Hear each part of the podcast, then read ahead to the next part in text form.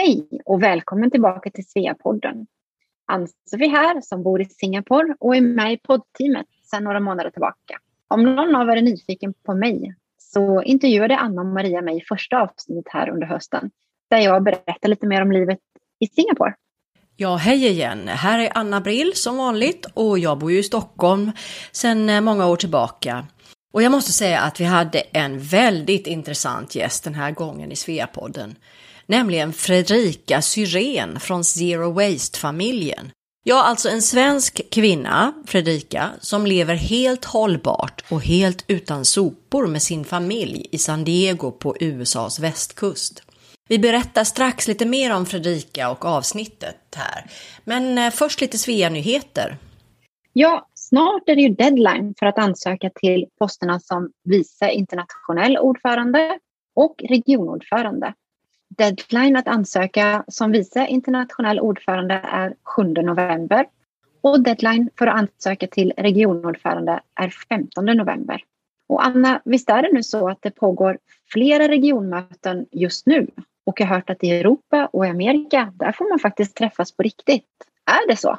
Ja, precis. Eh, Maria Schacki som brukar vara med oss här i podden har ju precis avslutat sitt regionmöte här för MEMA, alltså mellersta Europa. Och de hade fina dagar där i Rom såg det ut som och den här gången alltså på helt på riktigt. Och Region Vema, västra Europa, har även de genomfört sitt regionmöte nere i Algarve i Portugal. Och region, region OEMA, alltså östra Europa, de kör sitt regionmöte också i verkligheten i Wien med start den här veckan, den 14 oktober. Och så har vi de här i, i eh, USA, region OAME, alltså östra Amerika och har snart sitt möte i Virginia Beach och MAME, eh, mellersta Amerika, har regionmöte i Minneapolis. Västra Amerika, eh, VAME och Asok, Asien och Australien, har möte via Zoom. Och vad kul att vi redan har fått in nära 12 000 US-dollar till donationsprojektet Amitié. Amitié som betyder vänskap på franska. Och jag har hört att det är ett stort antal avdelningar och privatpersoner som har donerat. Målet är 25 000 dollar som vi hoppas att vi ska komma upp till i slutet av november. Och bara för några dagar sedan hade vi en föreläsning med Eva Kumlin som är chef för Svenska institutet i Paris. Där hon berättar om vad som händer det här jubileumsåret när de fyller 50 år. Ja, och så var det ju lite kul att vi eh, lyckades få till den här intervjun nu med Fredrika i San Diego och dig i Singapore. Så jag körde ju nattskift där med Sveapodden. Det gick fint. Det var ju så informativt och spännande att prata med Fredrika och höra henne berätta om det här med zero waste. Hon är ju verkligen all in som man brukar säga, alltså hon kör ju mer än 100 procent för det här. Och eh, hon har till exempel skrivit en bok om sig och familjens eh, levnadssätt och givetvis har de en hemsida och de finns i alla sociala medier och eh, de har även till och med gjort en film om sitt sätt att leva helt utan sopor och hållbart för att minska sina avtryck på planeten. Eller vad tyckte du om, vad tyckte du om intervjun, Ann-Sofie? Det var ju ett otroligt inspirerande samtal. Och jag har ju redan pratat med många av mina vänner om små saker som man kan ändra hemma för att leva lite mer hållbart. För man får ju lätt lite ångest när man öppnar sina skåp och inser hur mycket plastburkar man har där. Och eh, som Fredrika berättar att det är inte så svårt och det är inte så tidskrävande att göra små förändringar. Så det är bara att köra på. Om många gör lite så blir det ju mycket, så som Fredrika säger i intervjun. Och även om det för Fredrika har varit 100% sedan hon körde igång med att leva på det här sättet 2006 så kändes det ändå lite skönt för oss vanliga här att höra att hennes man var inte helt med på noterna från början, även om han nu är det. Och eh, som Fredrika nämnde, vilket jag också tyckte var eh, intressant, de har ju räknat ut att de faktiskt sparar hela 18 000 dollar, alltså nästan 200 000 kronor per år på att leva på det här sättet. Här hemma i Sverige Sverige så har, är vi ju ändå ganska bra på att återvinna och sortera sopor. Men eh, ja, för min del så tänker jag nog också att nästa steg blir att försöka bli av med eh, de här IKEA-plastpåsarna, eller hur Ann-Sofie? Nu blir det silikon eller tygpåsar istället. Och vi har lagt med en hel del nyttiga länkar för dig som vill ställa om ditt liv lite och handla mat i lösvikt kanske, eller annat. Så titta i eh, poddbeskrivningen. Men nu, nu måste vi ändå få lyssna på inspirerande Fredrika Sirén. Varmt välkommen!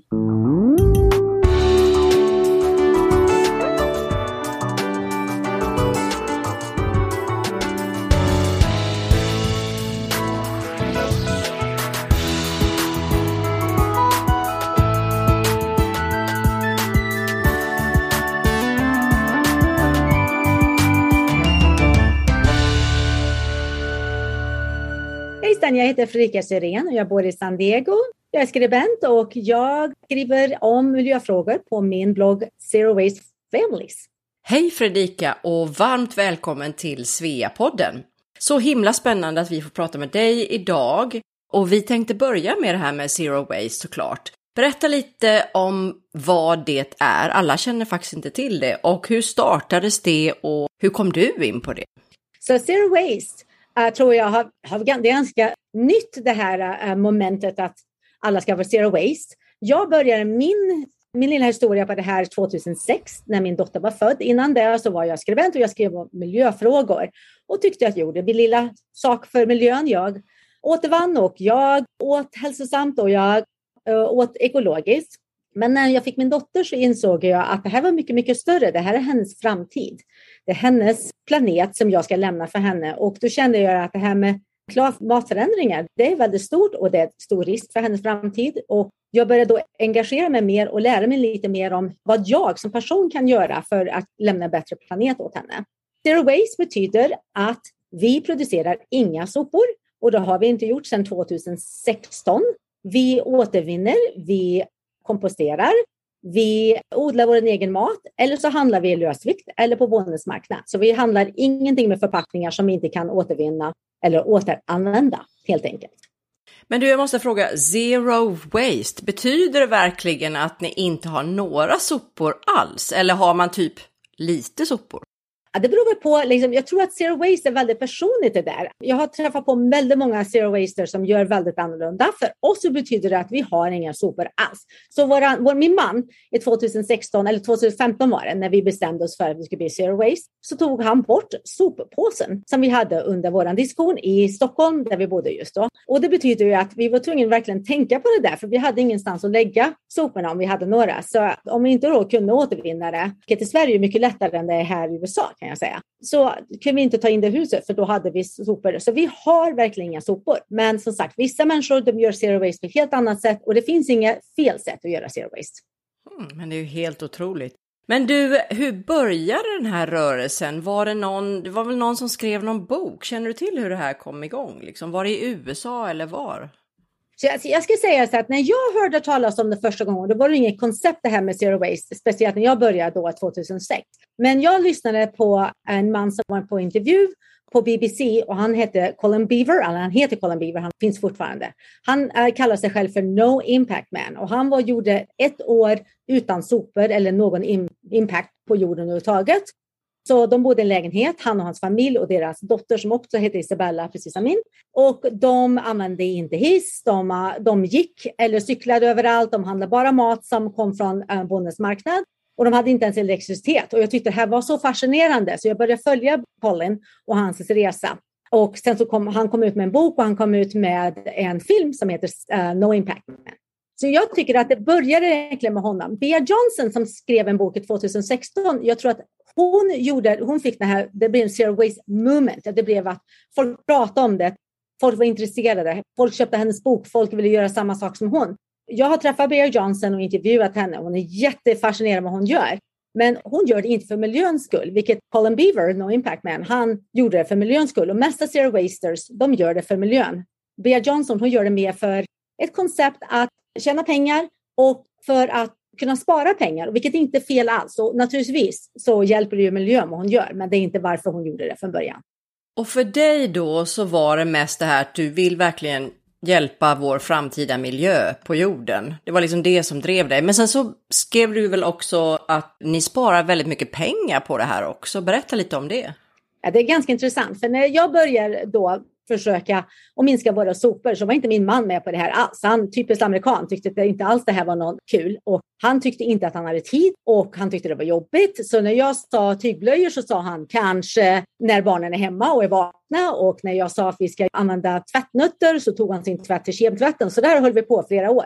Men när min man då bestämde sig 2016 när han var pappaledig i Sverige att han tyckte nog att han ville lära sig mer och kom på att det här med zero waste och att minska soporna, att det var inte så jobbigt, att det var inte så mycket jobb som han hade trott.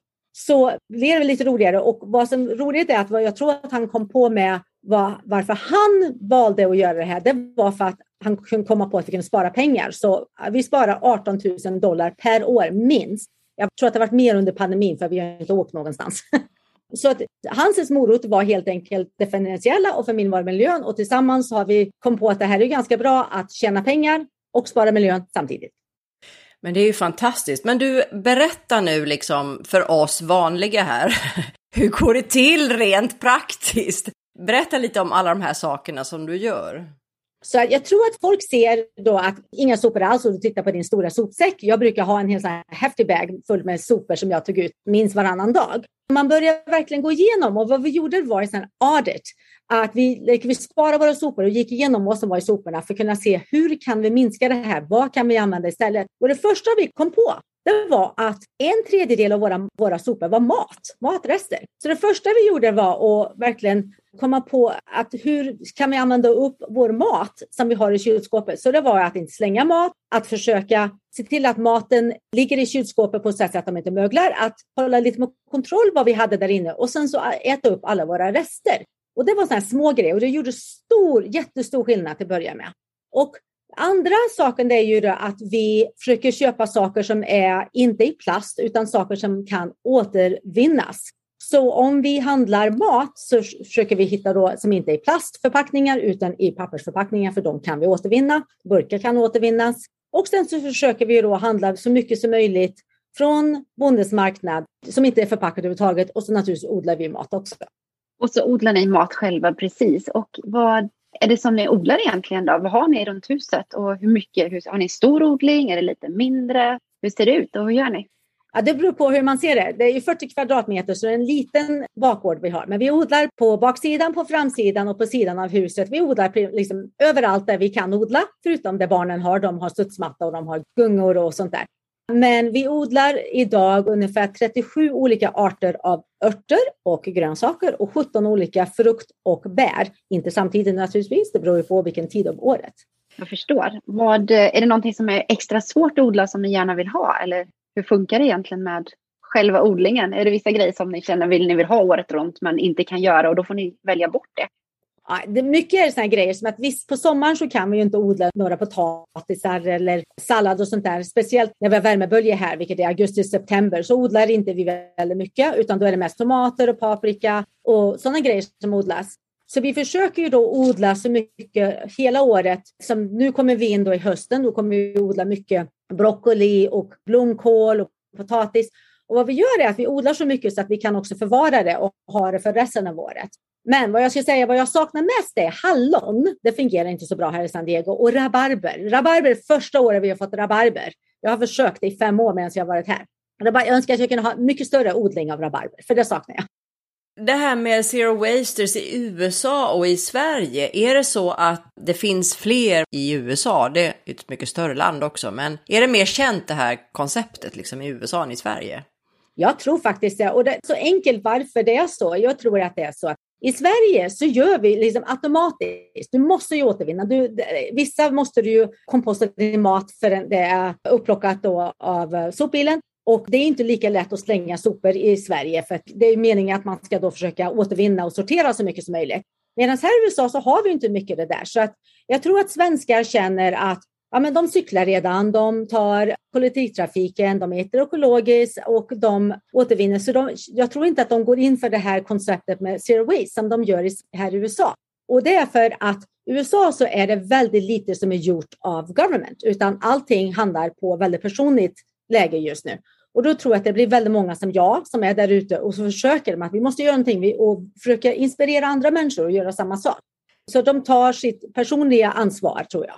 Så det här med återvinning, du vet nu bor jag i Stockholm, här åker man ju till återvinningen och jag menar det är ju typ 50 olika ställen man sorterar allting och, och så vidare. Men så är det inte i USA alltså? Nej, så här återvinner de bara ungefär 6% av all återvinning blir återvunnet. Så de återvinner ju inte plast här.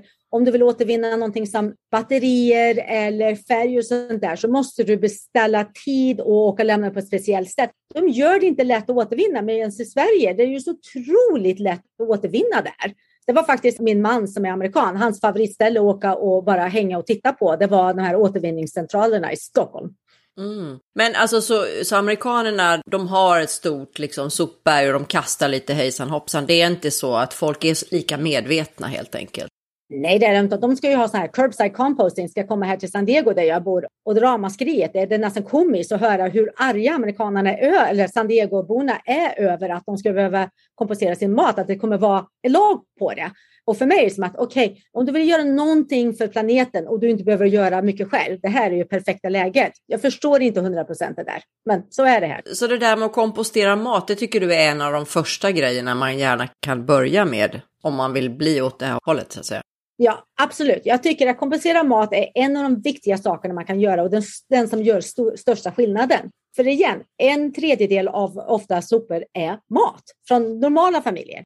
Och mat som åker i en plastpåse till sopberget, den förmultas ju inte. Det är, folk tror det att, den, att den bara kommer försvinna där. Det gör den inte, för den blir så här time capsule heter det. Jag vet inte vad det heter på svenska, men det, under massa andra sopor. Så det sitter fast där och, inne, och det blir bakterier och då blir det metangas. Och metangas är 23 gånger starkare än koldioxid. Så det har ju otrolig effekt på planeten och gör ju att det blir mer klimatförändringar. Så om man kan börja då kompostera sin mat, det tar inte mycket. Vi har haft kompost, vi hade i lägenheten och vi har det här. Vi har fem olika kompostsystem här. Men kompost, mat som åker till sopberget, det blir gift. Mat som åker i en kompost blir bara underbart förgöringsmedel för planeten. Så du har inte kompost på gatan då där du lägger matrester så att säga och som, som hämtas upp av sopbilen utan ni har era egna komposter ute i trädgården? Ja, så vi har våra egna komposter. Det kommer ju här nu i San Diego, men vi kommer inte göra det för vi använder ju all vår kompost till vår trädgård. För vi har ju en zero waste-trädgård, vilket betyder att vi handlar ju ingenting som kommer i plast. Så då, komposten är ju väldigt viktig för vår trädgård att kunna odla mat. Så vi tar kompost också från våra grannar och använder den och gör det till förgöringsmedel till äh, trädgården. Du, när Ann-Sofie och jag planerade det här avsnittet så började vi prata om det här med ziplock-påsarna från Ikea som vi båda köper, tyvärr. Och då undrar vi bara så här, hur gör man då om man inte ska använda plast, till exempel med ost och sådana saker som man kanske bröd, man har det i plast för att det ska hålla sig fräscht. Vad gör man då istället? Ja, det, det liksom, för när jag började den här då, då fanns det ingen sån där. 2006 fanns det inga zero waste eh, artiklar. Det finns hur mycket som helst idag. Så vi köper återanvändbara påsar som är av silikon och det använder vi till brödet. De fungerar precis som ziplock förutom att vi kan tvätta dem och använda dem igen. Och man kan frysa, man kan stoppa i osten, man kan använda allting. Vi också har bisvaxdukar som vi, vi använder istället för plast. Ja, för, för man kan ju faktiskt tvätta plastpåsar, det kanske man bara inte gör. Men, men, men de där påsarna så tvättar du dem för hand då och så använder du dem igen. Så plast tyvärr är en väldigt stor miljöbov. Plast är inte bara när vi slänger bort det. För första plasten då, när vi slänger den på soptippen, för till slut så går den ju sönder. Vad som händer är att plast försvinner aldrig och den har otroligt mycket kemikalier i sig så det läcker ut i miljön. Problemet med plast är också att plast är miljöbov från att vi producerar plasten, vilket det släpper ut massor gifter i luften tills att vi använder den när du har den på din mat. Problemet är att de här gifterna i plasten då går in i, läcker in i din mat så du får i det. Plast är bara en miljöbov som vi, det var en av de första sakerna vi undvek. Så det finns ingen bra plast? Det finns ingen bra. Det är inte så att de har tagit bort gifterna nu och det är bättre? Det tycker inte du? Det finns ju så här kompostplast som är gjort egentligen av, jag tror att det är gjort av majs eller potatismjöl. Jag har inte använt dem, men, men vissa av mina vänner använder dem. Och de skulle väl eventuellt vara bättre, men problemet är att när man slänger dem i soporna så försvinner de inte heller. Därför att de är kompostbara, men det betyder att du måste skicka dem till en kompost. Så jag vet inte hur det fungerar. Men du, om man är då en vanlig människa och vill byta ut all plast i sitt liv och du har berättat då att man kan använda de här andra grejerna. Var hittar jag dem? Nu bor jag hemma här i Sverige. Jag menar, jag har inte sett det på ICA. De finns, jag tror inte de finns på ICA, men den finns oftast på nätet. Så det finns om man, om man, när man väl börjar göra sin research och letar efter zero waste eller plastfria påsar och sånt där. Så det är helt otroligt. Det finns så, så otroligt mycket på marknaden idag. Så det är bara att leta. Och jag vet faktiskt att på Ikea så tror jag att de har till och med de här silikonpåsarna som man kan använda, återanvända om och om igen. Det är bara att kolla. Men som sagt, gör research, bara leta och, och, gå på nätet och bara googla. Allting kan man hitta på nätet just nu. Du får hjälpa oss med lite länkar här så att vi blir lite bättre på det här med att ta bort plasten. Och så har du dina, du har ju tre barn och hur, eh, hur har ni blandat in dem i allt det här? Har de speciella uppgifter de sköter? Det, eller känner de att det är jobbigt med det här eller är de nöjda? Hur går det med kompisarna och hur, hur funkar det? Ja, det är ganska intressant, för folk frågar mig alltid hur fungerar det här med zero waste med barn? Och det fungerar ganska bra. Jag tror att när vi blev zero waste så var vår dotter nio år gammal och de andra, mina pojkar som är yngre än henne, de var bara två och fyra. Så de kommer inte ihåg så mycket. De har alltid varit zero waste. Och det är ganska intressant för våran minsta, nu är han eh, åtta, men när han var fem så kom han hem med en pappershandduk från skolan och trodde att det var en eh, karta som han har hittat. En skattkarta för att det hade en massa så här äh, mönster på den. För han har aldrig sett en, en pappershandduk förut. Men jag tror att det går lite upp och ner så där. Ibland så har väl att de tyckte att det var jobbigt, speciellt när kompisarna säger någonting. För det har ju naturligtvis gått i vågor att kompisar har sagt saker till dem och då känns det lite sådär dumt. Men sen ju mer skolan och andra föräldrar och barnen lär känna oss och börjar komma hit och hälsa på oss så tyckte de att det här är jättehäftigt. Så nu tror jag att deras kompisar, de tycker det är kul för deras kompisar tycker det är kul. Vi köper ju inte mycket nya grejer till våra barn, utan vi handlar ju faktiskt second hand. Alla våra kläder är second hand. Min dotter är en tonåring, hon är 14 och hon är jättestolt över att vara minimalist och vara en second hand tonåring. Alla hennes kläder är second hand och hon är väldigt fashionable. Hon, hon är väldigt, väldigt stolt att ha den där. Det är hennes grej som alla hennes kompisar tycker är så kul. Killarna, jag tror inte de tänker. För I julklapp så fick de så här uh, skateboard och rollerblades och de var, hade vi köpt från Ebay använda. Och jag tror liksom, de tänker inte på det där, för dem är det bara naturligt. Och du berättade ju här innan för mig att din dotter är ju också en zero waste influencer. Vad gör hon? Vad håller hon på med? Ja, så Bella, hon, hon heter på Instagram så hon Bella Earth, vackra planeten. Uh, hon gjorde precis en Youtube-video om hur hon gör zero waste skola, hur all, pennor och papper och ryggsäck och hela faderullan, det är hennes grej. Och hon också tycker väldigt mycket om zero waste makeup och kläder, det är hennes stora grej, än så länge.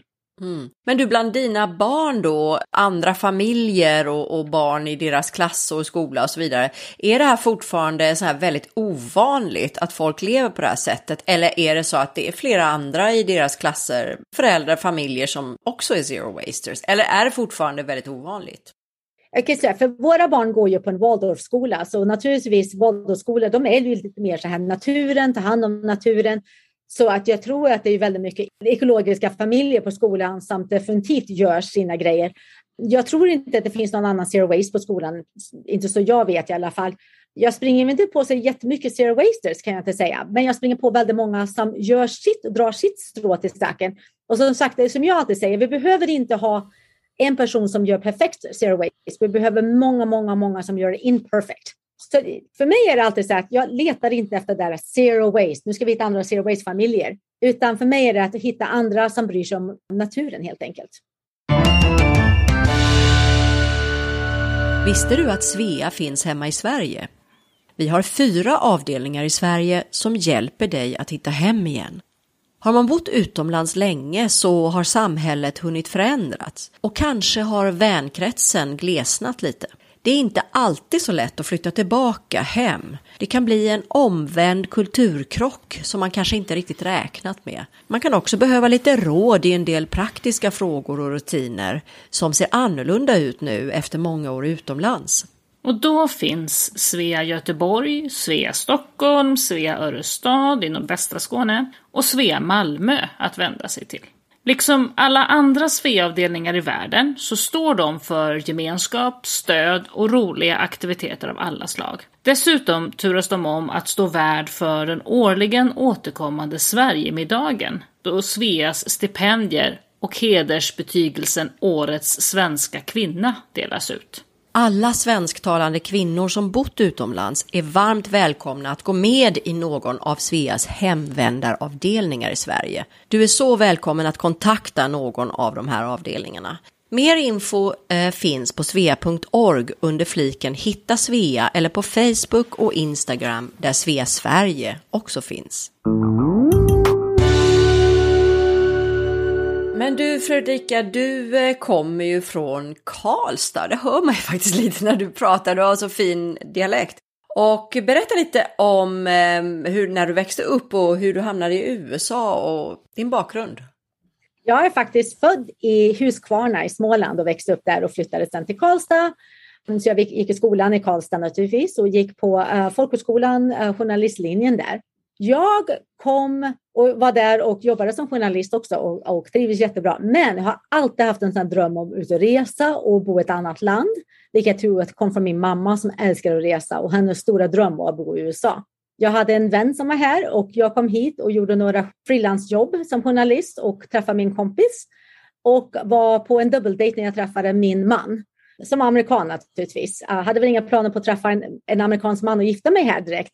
Men jag for hem till Sverige och vi fortsatte att prata ett par år, månader ska jag säga. Och sen så flyttade jag tillbaka till hit USA för att prova det här. Så jag har varit här i USA i, ja, ska vi säga till och från, för vi har bott i Sverige två gånger och vi har bott i London och vi har bott i Frankrike. Men jag, jag har bott här till och från sedan 1996. Wow. Kul. Och var, var någonstans bor ni i USA? Så vi bor i San Diego. Min man är född här i, i San Diego, så därför vi bor här. Är det svårt att hitta bostad eller hur är levnadssättet i San Diego? Hur har ni det där? Jag kan säga att levnadsstandarden är ganska låg av, på grund av att det är så fruktansvärt dyrt här i San Diego. Vi har ju tur, vi har ägt vårt hus här i 14 år. Men jag kan säga att San Diego är ju väldigt konservativt jämfört med resten av Kalifornien. Men jag menar, vi bor nära havet, saknar skog och fyra årstider säger mina barn att de saknar.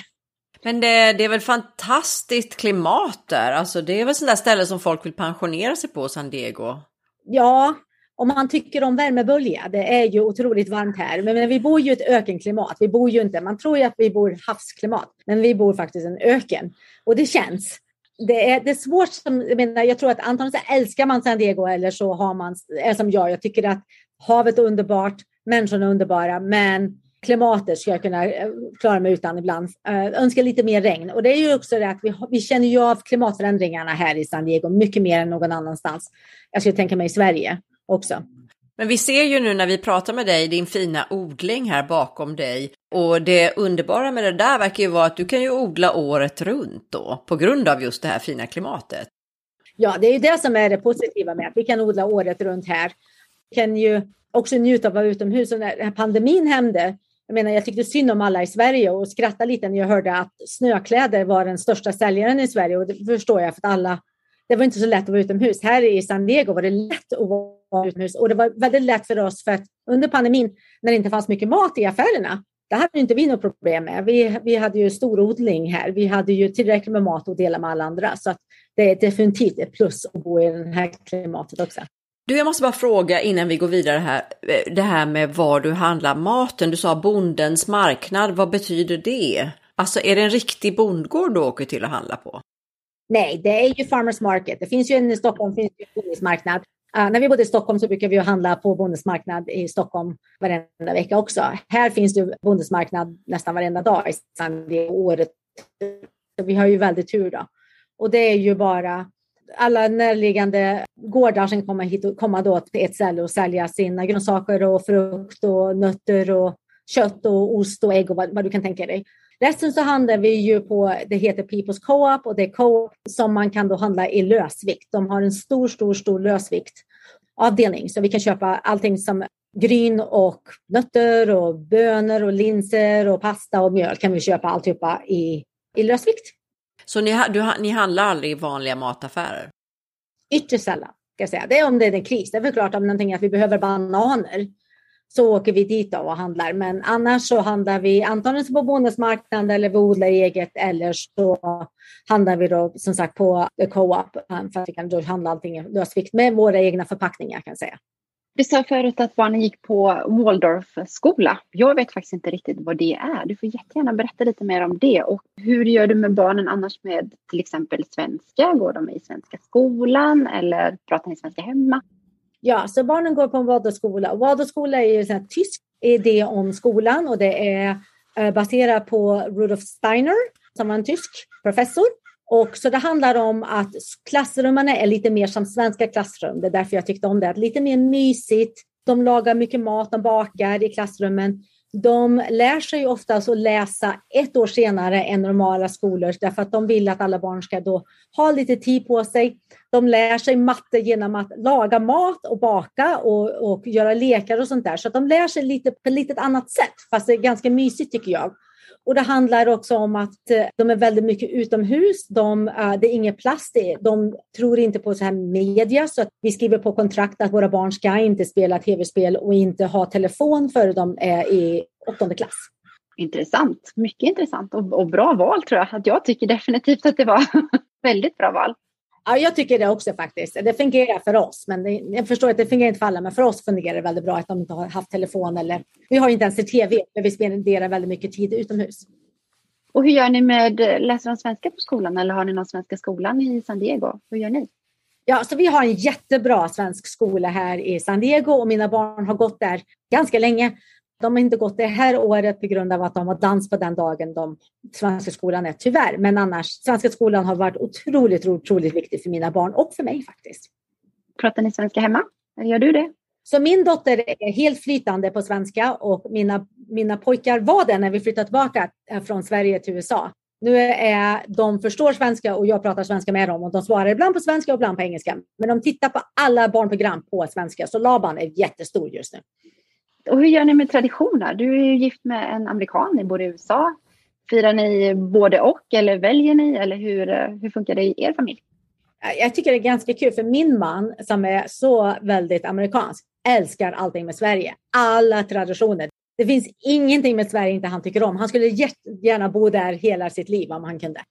Så vi, vi firar både och faktiskt och inte på grund av min man, för min man är lite mer så att han hellre firar svenska traditioner än amerikanska. Men för familjens skull så firar vi, så jul firar vi svensk jul den 24 med kalanka och julmat, svensk julmat och sen så på den 25 så firar vi med mina svärföräldrar den amerikanska versionen av jul. Sen så firar vi påsk enligt svensk tradition skulle jag vilja säga, men vi har lite amerikanskt in i det också. Jag tycker det är ganska kul att blanda det där, för jag tycker att mina barn ska ha det bästa av båda två. De behöver inte välja. Brukar ni fira någon semester i Sverige eller hur? Nu har det varit en pandemin som har gjort det väldigt svårt för många av oss som sitter runt om i världen och kunna resa någonstans. Men vanligtvis, hur gör ni då? Vi åker till Sverige minst en gång om året. Vi åker alltid på sommaren. Och om vi kan så åker vi på jul också. Min dotter och jag precis kom tillbaka. På grund av att mina pojkar inte är vaccinerade så vill jag inte ta med dem till Sverige, vilket de var jätteledsna för. Men min dotter och jag var där nu i sommar i augusti och vi ska faktiskt åka tillbaka igen om sex veckor för hon ska kolla på gymnasium. Du, hur känner du med det här med att flyga? Hur går det in i det här zero waste? Det gör det ju egentligen inte. Många har frågat mig varför jag flyger och jag säger ju alltid där att saken är att jag lever helt zero waste och helt giftfritt och jag försöker vara så snäll som möjligt. Men jag har ingen val. Jag kan säga att jag ska aldrig åka till Sverige igen, men det valet finns inte för mig. Och jag tycker det är, det är liksom inte rättvist att säga att jag inte... Jag menar, visst, jag tycker det var jättekul när Greta Thunberg hoppade på en båt och åkte hit. Det valet har inte jag med mina barn, så att jag har ingen val, så vi flyger. Men vad vi gör är när vi kommer till Sverige, vi använder inte bil, vi flyger inte där, utan vi tar tåg och alltihopa. Men det är lättare, tycker jag, att, leva utan så mycket impact i Sverige när vi är där. Så. Du, ehm, du berättade att din man tycker väldigt mycket om Sverige. Vad är det han tycker om i Sverige? Ah, jag tror att min man tyckte det var jättehäftigt att vara i Sverige därför att han kan komma undan med saker i Sverige som inte jag kan. Jag kan inte prata med främlingar utan att de tror att jag är full. Min man kan börja snacka med vem som helst på tåg eller hos doktorn och då, så fort de är, ah, han är amerikan, så pratar de med honom glädje igen och tycker det är jättekul att han är amerikan. Ja, min man älskar, han är ju scout, eller han är före detta scout kan jag säga.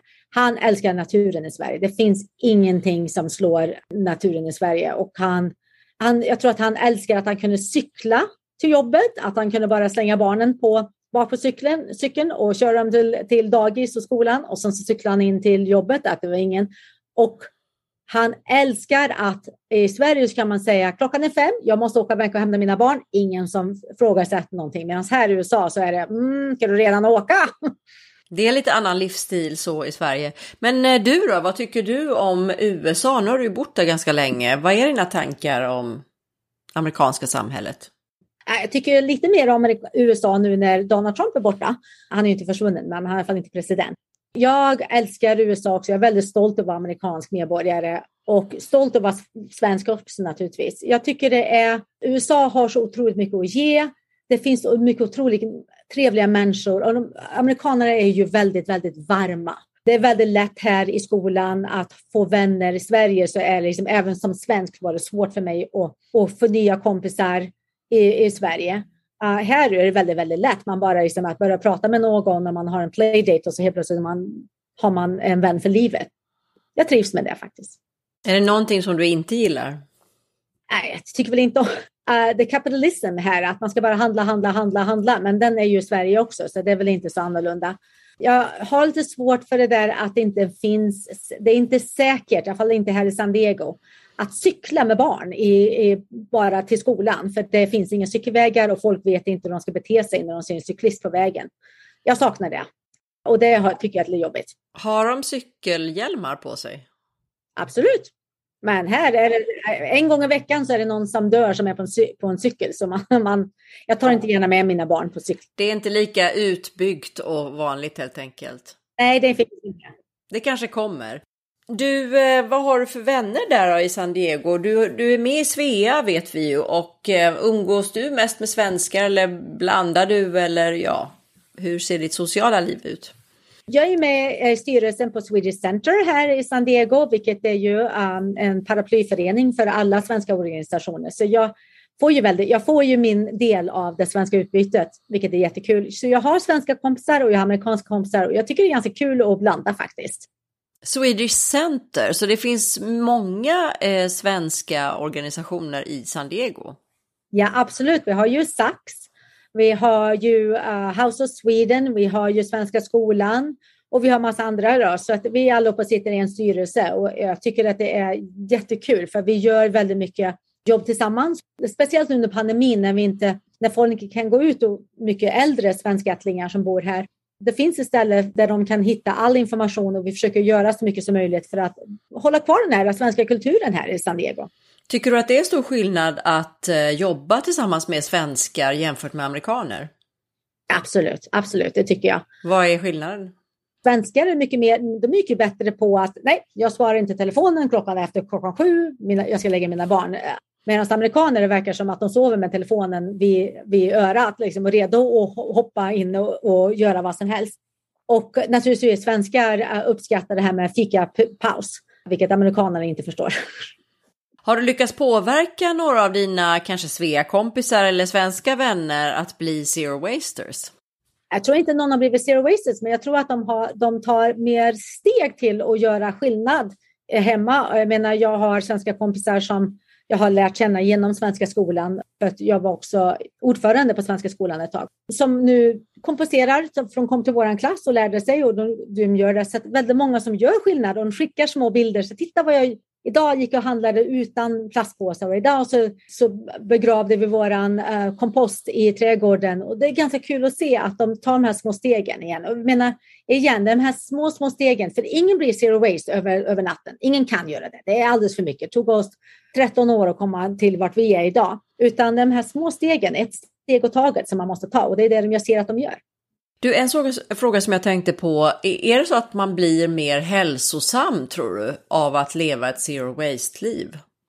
Absolut, absolut. Därför att plast, som sagt, vi pratar ju om det, att plast är, har ju otroligt mycket gifter i sig. Så uh, om man då inte, om man äter då vanlig mat som är besprutad, om man har plast i huset, det gör ju att det blir mer kemikalier. Och jag vet att jag tror att det var Konsumentföreningen eller Coop, jag kommer inte ihåg, ett par år sedan i Sverige gjorde, de tog en vanlig familj och bara gav dem en vecka ekologisk mat och, och där. Och det gjorde jätteskillnad när de mätte värden i deras kropp. Så det gör ju stor skillnad, absolut. Jag känner ju att vi är hälsosammare och friskare. Jag märker skillnaden. Vi städar ju inte med kemikalier i vårt hem. Vi har ju en av våra son, vår äldsta son är autistisk. Och jag märker stor skillnad på honom sedan vi tog bort alla kemikalier i huset. Så det, man sparar pengar, det är bra för miljön och man blir också mer hälsosam. Alltså, det är ju fantastiskt. Men du, berättar berätta lite om, du har ju skrivit en bok och eh, ni även finns med i en film. Berätta lite för oss om det där. Ja, så jag har en bok som, som heter Zero Waste for Families och det är en guide. För det var när jag började här så letade jag med lykta efter en guide som kunde liksom bara visa mig hur gör jag det här? Vart finns det recept för hur jag kan göra städprodukter eller Eh, med en egen deodorant eller vad som helst. Och det fanns ingen ställe utan jag hittade lite små saker här och där. Så jag bestämde att jag ska skriva en guide som folk kan bara när de vill börja minska sina sopor, de kan titta den här guiden, de kan de hitta då hur man gör födelsedagsfester utan skräp, hur man reser utan med så lite impact som möjligt. Hur handlar vi utan skräp och sådana grejer. Så det är därför jag skrev den boken. Och det kommer en ny, ny edition ut om den boken faktiskt med mer, med ett helt kapitel om hur man pratar med barn om miljöfrågor och speciellt med klimatförändringar. För det är ju väldigt stort och väldigt läskigt för barn. Så den kommer ut i slutet på oktober. Um, vi har vår film som heter Zero time to waste, en dokumentär som är gjord av ett lokalt par. Som hon är svensk, producenten, och det är en amerikan. Det är 25 minuter och det visar bara lite vårt liv som Zero Wasters och hur vi hamnade där och varför. Men du, var hittar man boken för det första? Och den är på engelska då? Är, den på, är det på typ Amazon man köper? Amazon kan hitta den och det kan också, från vår hemsida kan du köpa också digital version av den. Eh, för hemsidan heter ju zerowastefamily.com, eller hur? Men den finns inte på svenska boken än? Inte än. Jag hoppas. Kanske kommer snart. Och eh, filmen här, kan man se den? Har, ni, har du någon Youtube-kanal eller hur?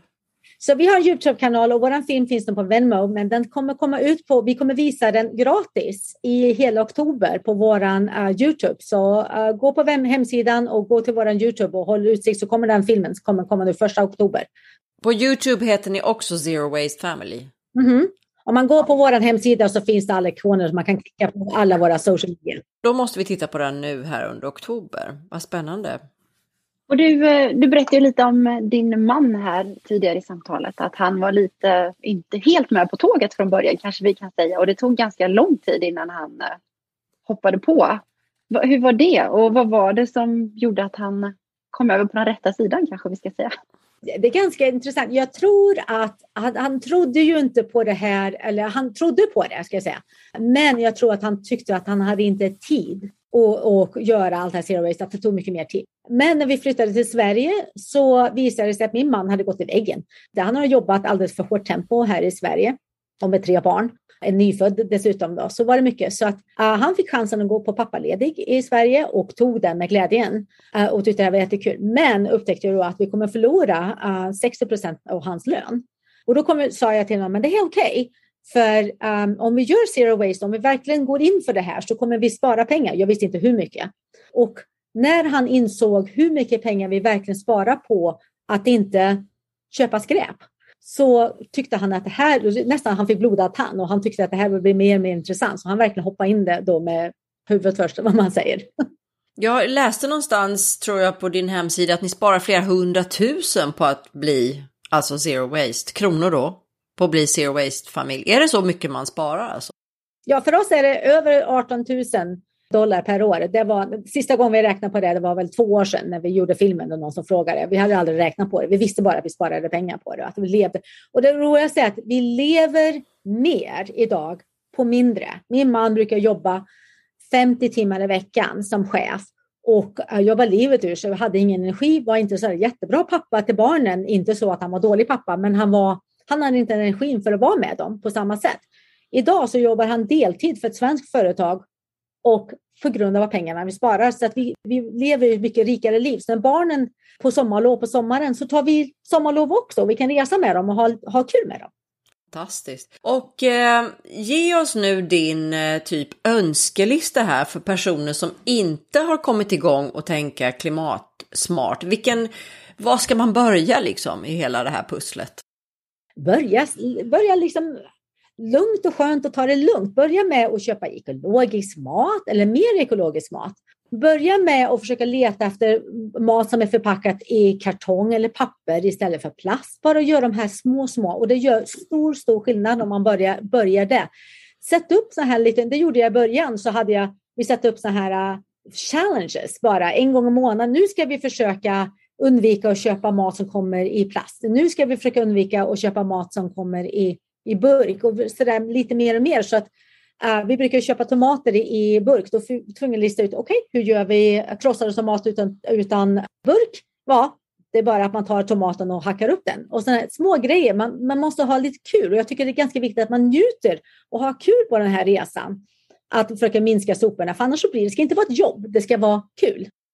Och sen, sen då, vad ska man göra sen? Tycker du man ska gå på det här med plasten kanske? Plasten är den som är svåraste, för till och med idag får vi fortfarande plast in i huset ibland. Plast finns i allting från tuggummi till eh, kvitton till mycket i barn, liksom i barnmatburkar och plast. Men tänk på hur mycket, vi, mycket plast vi är, barnen eh, leker med och sätter i munnen hela tiden. Det är ganska läskigt faktiskt. Så jag tycker att plast är en grej man ska effektivt jobba med. Det, det, tar sin lilla tid att bli av med det. Men man hittar, på om på så hittar man saker. Men liksom hitta en grej som att okej, okay, vi ska inte köpa några mer plastleksaker till barnen. Börja då leta efter vad finns det alternativ. Plast i blöjor är ju jättevanligt. Det tänker vi inte ens på. Att barnen går omkring och de är varma och den här plasten går in i deras hud. När jag väl kom på det där så var det första, min, min första barn, hon var i vanliga blöjor. Men när jag lärde mig det så mina två andra barn, de hade tygblöjor och kom på att tygblöjor var inte alls svårt. Det var inte alls mycket jobb. Det var bara min, så här, mitt huvud att det här skulle vara jobbigt. Så det är, det är en sån små grej. Och alla sådana här städprodukter och sånt där. Jag vet att du, du tvättar med någonting som kallas för tvättnötter. Vad är det? Det är en liten nöt som är helt ekologisk och växer tydligen på något träd i Indien. Och den har naturliga enzymer och den, den tvättar. Och det bästa är att när jag är färdig med dem, då tar det ungefär, jag kan tvätta säkert fem tvättar, um, maskiner på fem tvättnötter och sen så slänger jag dem i komposten. Idag så finns det otroligt mycket, otroligt många zero waste alternativ till tvättmedel. Det fanns ju inte när jag började, så jag har bara fortsatt med tvättnötterna, för det fungerar för mig. Men man kan köpa zero waste medel idag. Här i USA så finns det True Earth och uh, True Breeze tror jag att det finns och de är helt zero waste och kommer i pappersförpackningar. Står det på de produkterna att det här är zero waste? Mm. Aha. Ja, vi får försöka leta då lite mer. Och tiden, man eh, pratade lite om tid, att det, din man tänkte att det var tidskrävande, du pratade lite om det också och jag tror att många familjer som inte håller på med det här tror att det tar otroligt mycket tid för att hålla en zero waste eller en mer miljövänligt eh, klimatsmart levnadssätt. Det är klart att när man börjar så tar det lite mer tid för det är precis som allting annat, att man måste lära sig. Och för mig så var det att jag var tvungen att liksom lista ut vad jag kunde använda istället. Då. Men idag så går allting på löpande band vi bakar allt våra egna kakor, bröd och sådana saker och folk tycker att det där verkar ta jättelång tid. Men jag har en dag där jag bakar och barnen tycker det är jättekul att hjälpa till. Och så har jag bröd för resten av veckan. Så det handlar mer om att planera. Vi lämnar inte vårt hus utan att ta med oss saker i bilen för, som vi kallar för våra zero waste kit där vi har uh, allting för att vi är ute som, så vi inte hamnar i en situation där vi måste ta med oss sopor hem. Så om vi går till en restaurang så planerar vi att ta med oss våran lilla, istället för doggy så tar vi med oss en, en förpackning. Det tar inte mycket tid om man tänker på hur mycket tid det tar att åka till en affär och handla. Om man har slut på blöjorna istället för att stoppa in dem i tvättmaskinen det tar inte mycket längre tid. Så jag tycker inte, det är inte mer tidskrävande. Naturligtvis, vi har en väldigt stor trädgård. Det tar sin lilla tid. Men det är någonting som vi njuter av och någonting som finns här. Men det är också lätt att bara gå och hämta maten istället för att åka iväg till affären för att jag har glömt att köpa sallad. Och det kan bli en mindfulness att man går och pillar i trädgården lite och grejar lite. Att det, är, även, det är bra för mentaliteten. absolut. Liksom, speciellt under pandemin så har det varit det bästa att, att bara liksom, kunna gå omkring i trädgården för barnen också. Men du, jag tänker, du bor ju där i San Diego som sagt, men för oss andra då som bor i ett sånt här kallt land som Sverige, hur ska man klara att odla mycket själv då liksom? Eller hur gör man då om man bor här? Ja, Sara Bäckmo som är Skillnadens trädgård, hon har ju löst det där. Hon har en hel bok om hur man kan odla mitt i vintern. Och det handlar ju inte om att odla året runt igen, för som sagt, vi odlar ju inte broccoli för exempel som vi äter otroligt mycket av. Det odlar inte jag året runt. Jag odlar det från kanske från ska vi säga, mars till juni om jag har tur. Vad jag gör är att jag odlar tillräckligt med broccoli så jag kan frysa den, så har jag den i frysen. För jag menar, Eh, massa människor åker ju och köper då broccoli antagligen i affären i, i färsk broccoli eller så går de och köper den fryst. Så att frysa den är ju ett sätt då, det tar inte lång tid. Så har jag broccoli för resten av året. Så det handlar ju bara om att vara smart. När vi bodde i Sverige så hade jag ingen stor trädgård. Jag hade, jag hade en liten, liten plätt men inte mycket och jag odlade så mycket jag kunde. Men vad vi gjorde det var att Bondens marknad i Sverige, i Stockholm, var från eh, augusti till oktober. Och vad jag gjorde då var att jag och, vi åkte till Bondens marknad och handlade mycket mat som vi sen förvällde och hade i frysen. Men också i Sverige till exempel så finns det ju ekolådor som man kan ha. Då kan man ju få svensk eh, producerad mat. Så det finns många sätt. Som Zero Waster så man, blir man ganska duktig på det där och lista ut. Mm. Du, eh, i den här rörelsen så pratar man ju om de fem R'n. Refuse, reduce, reuse, recycle och rot. Kan du bara berätta lite för oss om det?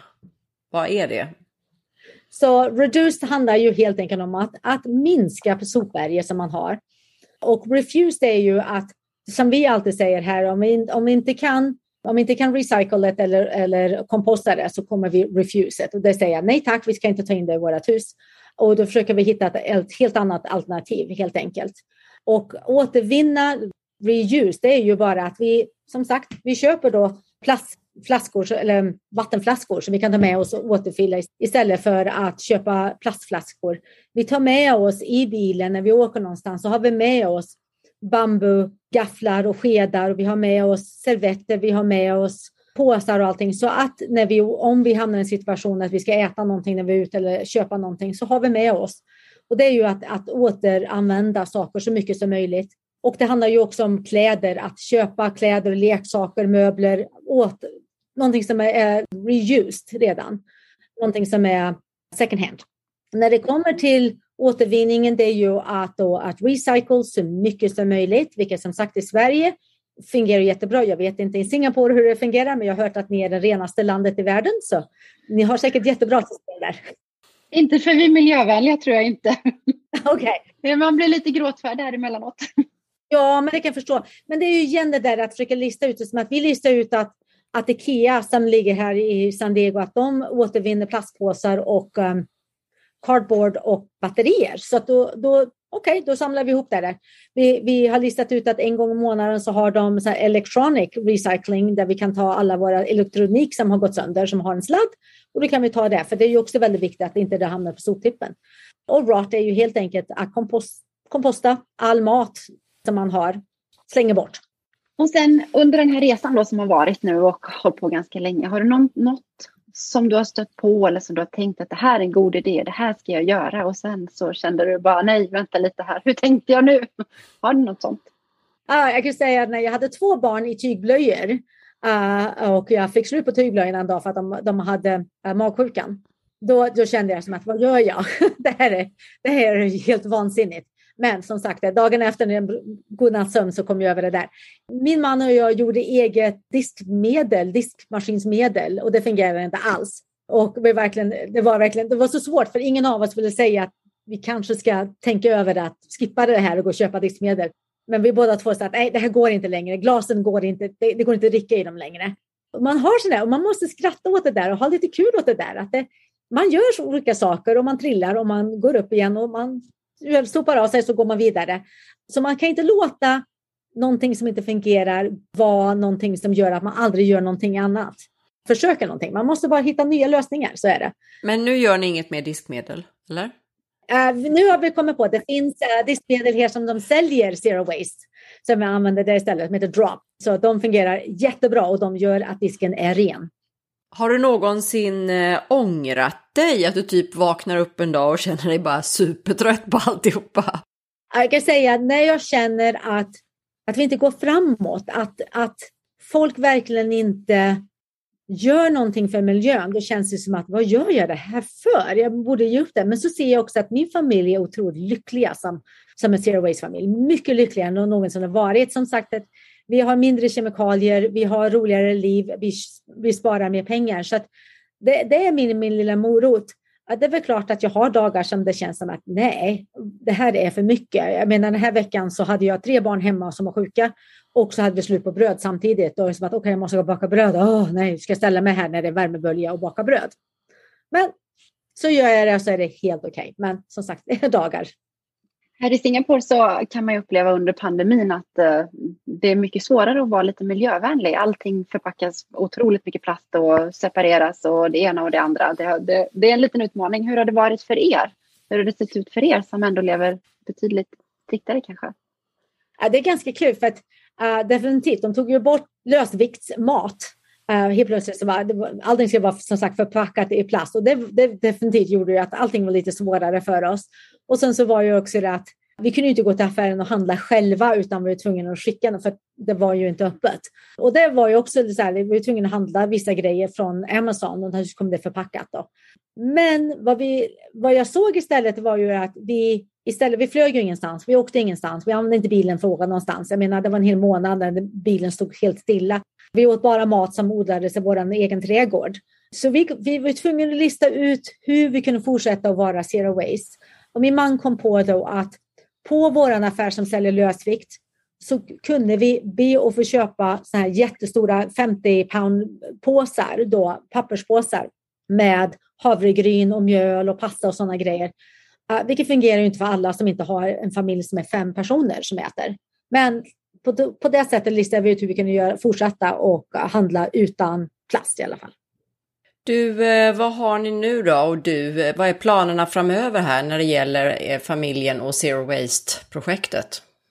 Vi, har, vi kommer vara med i en tv-serie uh, som kommer ut här i slutet av oktober som heter Home Sweet Home där vi byter hem med en annan familj uh, så de får leva Zero Waste i, i en vecka. Och vi fick gå tillbaka och leva som vi brukade leva innan vi blev Zero Wasters, vilket var intressant för mina barn. Vi, min nya bok kommer ut som sagt i slutet av oktober och annars kommer vi fortsätta att producera massor Youtube-videos för bara inspirera folk att göra och visa hur lätt det är att vara zero waste. Det är inte så svårt. Och den här tv-serien visas då i USA antar jag? Ja, på NBC. Tyvärr. Spännande. Men du, eh, tusen tack Fredrika. Det var så kul att få prata med dig idag och eh, man blir väldigt inspirerad måste jag säga. Och det är många argument som talar för den här livsstilen. Även om vi kanske inte bara kan kasta oss in i det lika mycket som du, just du är så avancerad i det här. Men vi kan ju alla börja någonstans och vi kan ju börja med att läsa din bok till exempel. Absolut. Ja, jag ska säga det, vi, vi blev inte zero waste för att komplicera vårt liv. Vi gjorde det för att göra det mindre komplicerat. Jag kan säga att, att uh, se det inte på det stora att vi ska bli av med alla sopor i sop, din soppåse idag, utan se det som att jag ska minska en sak per månad och, för, och den vägen är det lättaste sättet att gå. Det låter perfekt. Men tusen tack. Vi önskar dig allt gott och lycka till framöver. Tack så mycket. Det var jättekul att vara med. Tack för att du har lyssnat. Den här podden är inspelad och producerad för Svea International. Musiken är skriven för Svea av Fredrik Åkerblom. Alla vi som på olika sätt är involverade i produktionen gör detta som en del i vårt frivilliga engagemang för Svea. Sveapodden finns på de allra flesta ställen där du hittar poddar. iTunes, Google Podcasts, Spotify, Acast etc. Om du saknar något poddställe så skicka ett mejl till sveapodden gmail.com. Mer information om Svea hittar du på vår webbplats svea.org och i sociala medier så finns vi på Facebook, Instagram och LinkedIn och där hittar du oss som Svea International.